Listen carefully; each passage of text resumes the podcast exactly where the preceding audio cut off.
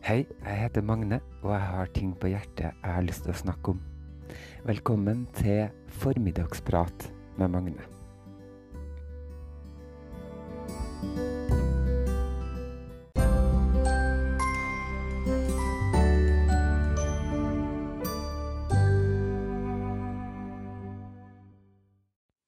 God dag, kjære lytter, og tusen takk for at du stikker innom her for å høre på meg. I dag så har jeg sittet og hørt på et intervju med ei som heter Karen Armstrong. Og hun eh, ble nonne når hun var 17 år, men hun fikk det ikke til. Hun fikk ikke til å be, hun fikk ikke til å ta inn over seg eh, det her eh, guddommelige eh, og det kristelige. Så hun eh, ble etter hvert antireligiøs i 13 år, men så begynte hun å studere religion. Og det, det er utrolig spennende og fint å høre på henne da. Um, hvordan hun oppsummerer på en måte det hun får ut av alle de religionene hun har studert. Og da kommer jeg tilbake til the golden rule, eller gylne regel, som det heter, som sier Gjør mot andre som du vil at andre skal gjøre mot deg. Og det her har jeg snakka mye om før i andre episoder av podkastene mine. Og jeg kommer aldri til å bli ferdig med den setninga 'gjør mot andre som du vil at andre skal gjøre mot deg'. Elfenbensbæreren som jeg snakker med innimellom, han òg bruker å, å komme med det, den setninga der. Og en gang så sa han til til meg at jeg legger meg om natta med god samvittighet, for jeg vet at jeg ikke har gjort noe eh, vondt mot eh, noen. Men så sa han også men det her har ikke kommet helt av seg sjøl. Jeg jobber eh, for det hver eneste dag. Og eh, da sa hun eh, Karen også noe som jeg syns eh, var fint. Eh, for hun har skrevet en hel bok da, om medfølelse. 'Twelve Steps to a Compassionate Life', eller noe sånt.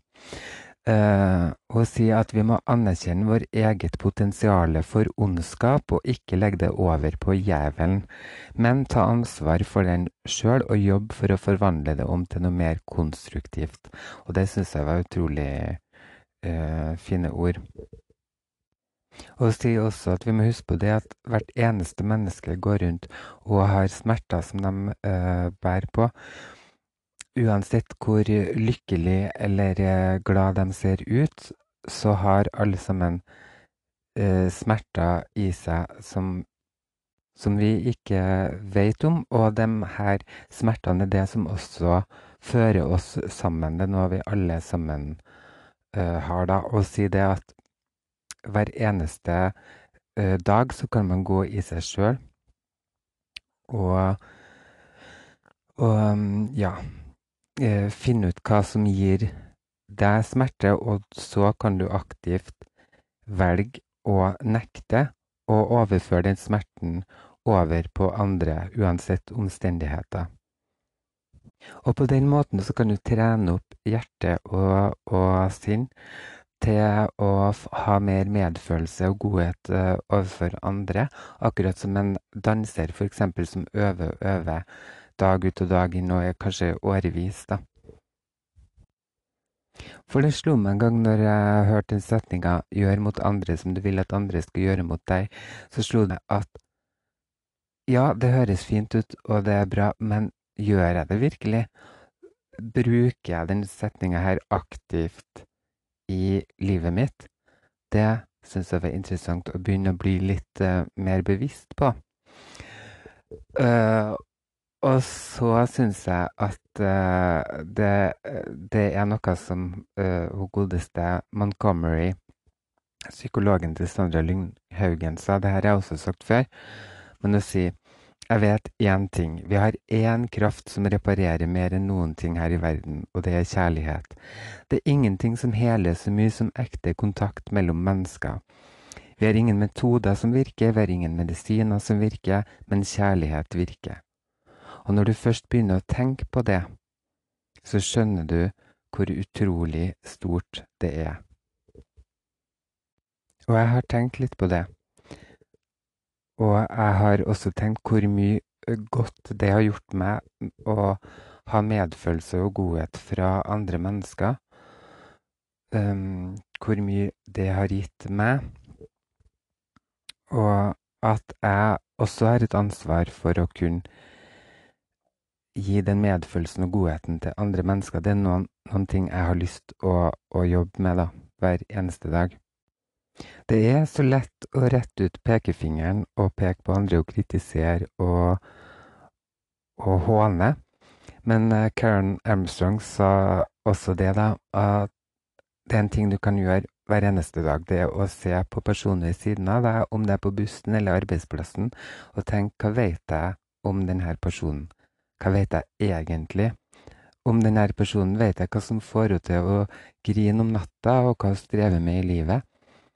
Bak hver eneste person så ligger det en hel historie med sorger og gleder og hendelser som ikke vi vet noen ting om.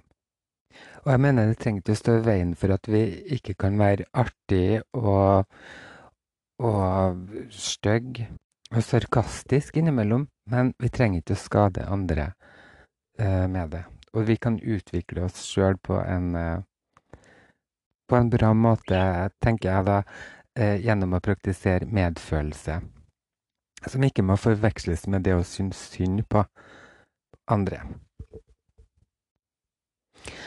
Ja, det der var tanker jeg har sittet og, og grunna over i, i, dag, som jeg stadig kommer, kommer, tilbake til. Og som aldri slutter å, å fascinere meg, fordi at det endrer, endrer perspektiv avhengig av hva, hva som skjer meg, eller hvordan omstendighetene er i livet mitt. Og apropos omstendigheter, så i forrige podkast så hadde jeg sånn ryddeprosjekt. Um, der jeg så Netflix-serie uh, med Marie Kondo som heter Oppr Opprydding med Marie Kondo, kanskje. Uh, der jeg skulle begynne å ta i bruk den metoden hennes for å få det mer ryddig rundt meg, da.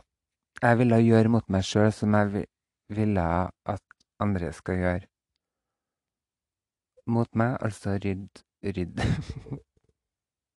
og for å oppsummere så har jeg kommet et lite stykke. Jeg har sittet og strøket hendene over klærne mine og bretta dem i oppreist tilstand. Satt dem i små kurver, sånn at jeg ser hva det er uh, jeg har. Um, og jeg har fått rydda litt i hyllene på kjøkkenet, og jeg tenker at jeg skal fortsette litt med det ryddeprosjektet etterpå nå. Og jeg merker at det kommer ikke lett for meg, men hvis jeg tar litt og litt og litt, så blir det til slutt uh, en stor forandring. I am not defeated yet. Men nå tenkte jeg at jeg skulle sette meg ned litt og lese litt i memoarene til min bestefar igjen. For det har jeg gleda meg til å fortsette med. Han skriver så mye, eh, så mye fint, og sist gang så fortalte jeg litt om at han har vært ute og arbeida. Da var han ti år gammel og vært ut på, utplassert på en gård hvor han for og bar på gjess som fløy sin vei. Eh, noen kilometer som han måtte fære og bære, bære på de gjessa. Og så har han eh, vært tilbake på den gården og fått en hel masse julemat eh, fra sin sommermora. Så nå tenkte jeg at du også skulle få høre hvordan det går videre med min eh, bestefar. Vid juletiden bruker de å springe det ærende, gå i skogen og hente granris og julgraner. Jeg kunne få en 25-øring for en julgran. Det var inte så dyra så som nu. Man fick ju en stor islandssill för 10 öre och en fin brödskaka för 25 öre. Ändå var det fattig och eländig för det fantes, eh, fantes inte inget arbete att få ut, utom hos bøndene, og de betalte én krone om dagen for en 12 til 14 timers arbeidsdag. Så kunne man gå på Årups herregård, plukke potatis og ta opp betor, eh, som var et ren syndstraff, og samme elendige betaling der også. Men om vintrene klarte vi oss bra hjemme, for far gikk på isen og podade ål, som jeg sen fikk gå og selge da jeg kom fra skolen, for én krone på kilo. Iblant kunne jeg ha ti kilo at eh, bære med, da far hadde fått eh, bra fangst. Men det gikk bra at bli av med dem, for det var ingen som kjørte omkring med fisk på den tiden, utom sildakremeren fra Blekinge, men de hadde ing inget annet at uh, inget annet enn sild å selge. Den var også billig, 75 øre hvalen. Det er det samme som 80 silder. Ja, så ble det til at gno på skolen igjen til den 15. april, da jeg åter skulle bli valpojke. Denne gangen fikk jeg ikke gjess at vakta, men derimot 95 stykk får. Det var en ekte storbonde som egde tre store gårder. Ja, han bare arrenderte dem. Bonden het heter Larsson og gikk under navnet Enga-Larsson. Han egde ni arbeidshester, deriblant åtte følston, men jeg hadde nog noe med fåren å gjøre, for de eh, skulle alltid dit de ikke fikk gå. En dag hadde noen hoppet over et stengjerde og kommet inn på en gressmatte som hørte en torpare til, som gikk under navnet Påls Per gikk og pløyde bortenfor en skogsdunge, men han hadde nok sett at fåren varet over, og om en stund kommer han slentrende. Da han kommet nærmere, sier han, Kom for å tale ved deg.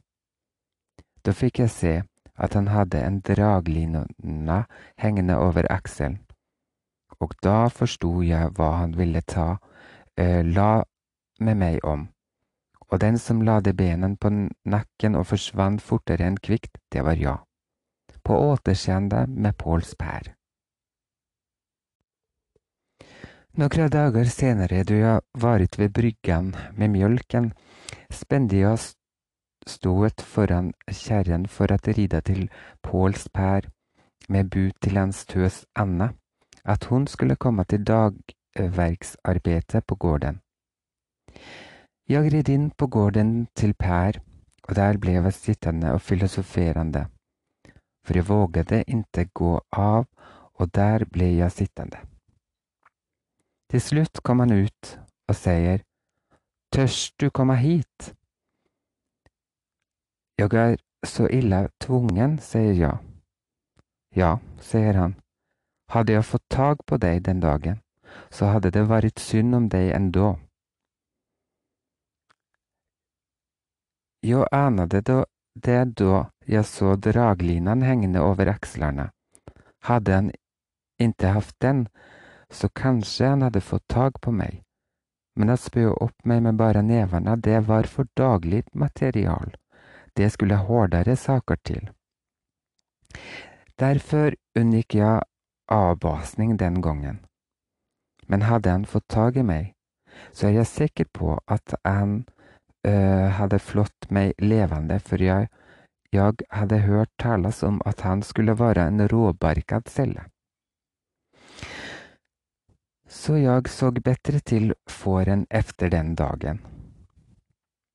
Ja, så kom oktober måned igjen, og så var det slutt med tjenesten det året. Men jeg kan ikke minnes hva jeg fikk for tjenesten. Jeg tror det var min far som gjorde opp om den. Både Larsson og fruen var i snåleste laget, så det ble ingen julemat det året. Ja, så ble det til at gå i skolen igjen hos Gråskjegg, og få stryk og lærdom. Det ble mer stryk enn lærdom, for han skulle slå lærdommen i skallen på oss. Jeg hadde fått en ny valgpolktjenest, så jeg lengtet efter den 15. 15. april. Denne gangen kom jeg til en gård som heter Nymølla og ligger ved broen over Skrobeån. Der var også en mølle på gården. Jeg fikk åtte kor og en tjur at valle. Jeg måtte jaga korna gjennom en skog innan jeg kom til be betesplatsen som lå ved Skråbøåns mynning. En trekantig jordbit på omkring ett tunnland. Men det gikk kor på andre siden en. Den kunne vel være omkring 50 meter bred. På formiddagen simmet tjuren over og var hos de andre korna hele dagen, helt til jeg skulle fare hjem. Men da kom han simmende, simmende og for som en rakett efter korna. Egeren hette Bengt Nilsson, men han gikk for navnet Keiseren.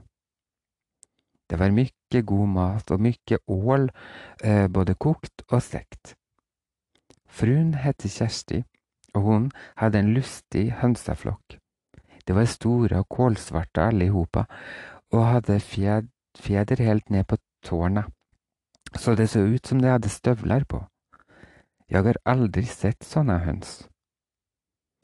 En sommer til hadde taget slutt. Nå hadde jeg bare én skolegang igjen, og sedan slutteksamen i april og sedan lesning til konfirmasjon. Men den begynte ikke før i oktober, så jeg hadde hele sommeren fri. Jeg gikk derfor til Nils Håkansson og spurte han om han ikke behøvde en vallpojke. Jo, sa han, du skal få valla fåren.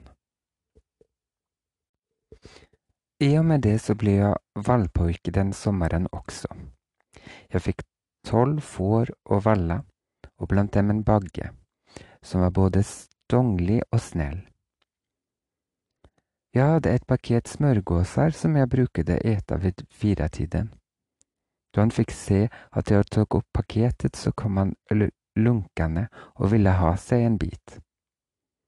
Jeg rekte fram handen med brødbiten, men da han skulle ta den, dro jeg handen tilbake. Han så på meg en stund, sedan gikk han baklengs når, når jeg steg, lade ørene på nekken og tenkte gi meg en ordentlig situp. Da måtte jeg rekke frem hendene igjen. Da lade han frem ørene og kommer igjen. Da fikk han brødbiten, sen tok jeg honom om halsen og kjelade med honom. Det tykte han om. Det var på høsten 1904 som vi skulle gå og lese for prett. Da frågade jeg Nils Håkansson om jeg fikk være hos honom om vinteren og passe korna mens jeg gikk og leste for presten. Det fikk jeg, men det var lang vei å gå, helt ifrån Skråbyån til eh, Trolle Ljungby. Vi var tre stycken fra Nymølla som bygda nu, bygden nu heter. Jeg trivdes hos Krunissen, som han kallades i dagligtal. Det var en heiare til Karl, som kunne både supa og sjunga. Iblant om morgenene kom han og hjalp meg etter uh, mokka, og iblant, da han våknet på rett side, burde han sjunga, så jeg glemte nesten at mokka for å lysne til hans vakre røst. Han kunne jodla som den verste tyrolare. Han var alltid nykter om morgenen, og han hadde visst aldri baksmella, for han var alltid i bra humør om morgenen. De var tre såta venner, som var oatskiljaktiga, særdeles om vinteren, da de ikke hadde noe annet å gjøre enn å supa. De tre vennene var keiseren, skråbøgubben og krunissen. De her søte vennene kunne man ofte se passere over broen. Når den ene bjudet eh, nokre gjøker, så skulle de andre bjuda igjen. Men tross at man så dem supa hele dagene, så så man dem aldri fulle. De var vel så impregnert av gjøker at de tålte hvor mye som helst. Så ble det til i oktober å spasere til Trolle Ljungby tre ganger i vekken for å lese for presten. Hans navn var Carl Lindblad. Vi var många, omkring 60 stycken från alla socknarna. Tosteberga, Venneberga, Trolle Ljungby, Östra och Västra Ljungby. Det var flera som var fullvoksne, både blant pojkarna og flickorna. En pojke från Venneberga rakade seg tre ganger i veckan. I april var vi ferdige att konfirmeras. Så bar det iväg till Trolle Ljungby med fin skjuts og parhester. En fin herskapsvagn med husbondsfolket og mine foreldre og jeg selv som passasjerer. Det led ju mot våren nu, så bönderna började påta i jorden og jeg fikk drengjobb hos grunissen. Jeg började åra potatisjord blant stumlingene. Jeg hadde bare treskor på føttene, og de ble fulle av jord for hjemnen. Så jeg tok av meg strømpene og gikk barfot. Men det skulle jeg aldri ha gjort, for jorden var for kald, så jeg ble forkylt og fikk bølder i nakken til å jeg med, sedan fikk jeg feber. Jeg måtte sluta tjenesten og flytte hjem og legge meg.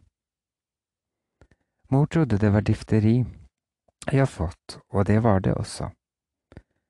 Men mor var noen av en kvakksalvere, så hun hadde en masse urter tørkede.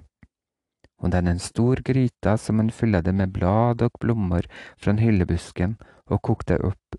Sedan fikk jeg legge meg over og andas inn angerna medan hun bredde tekken og filter over meg.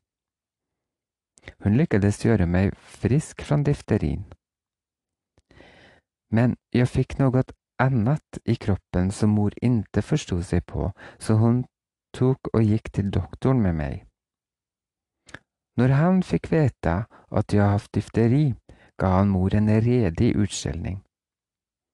Nå sa han at jeg hadde fått muskelforlemning, men da han sanset meg, sa han at det kunne jeg ha fått even om jeg var hos doktoren.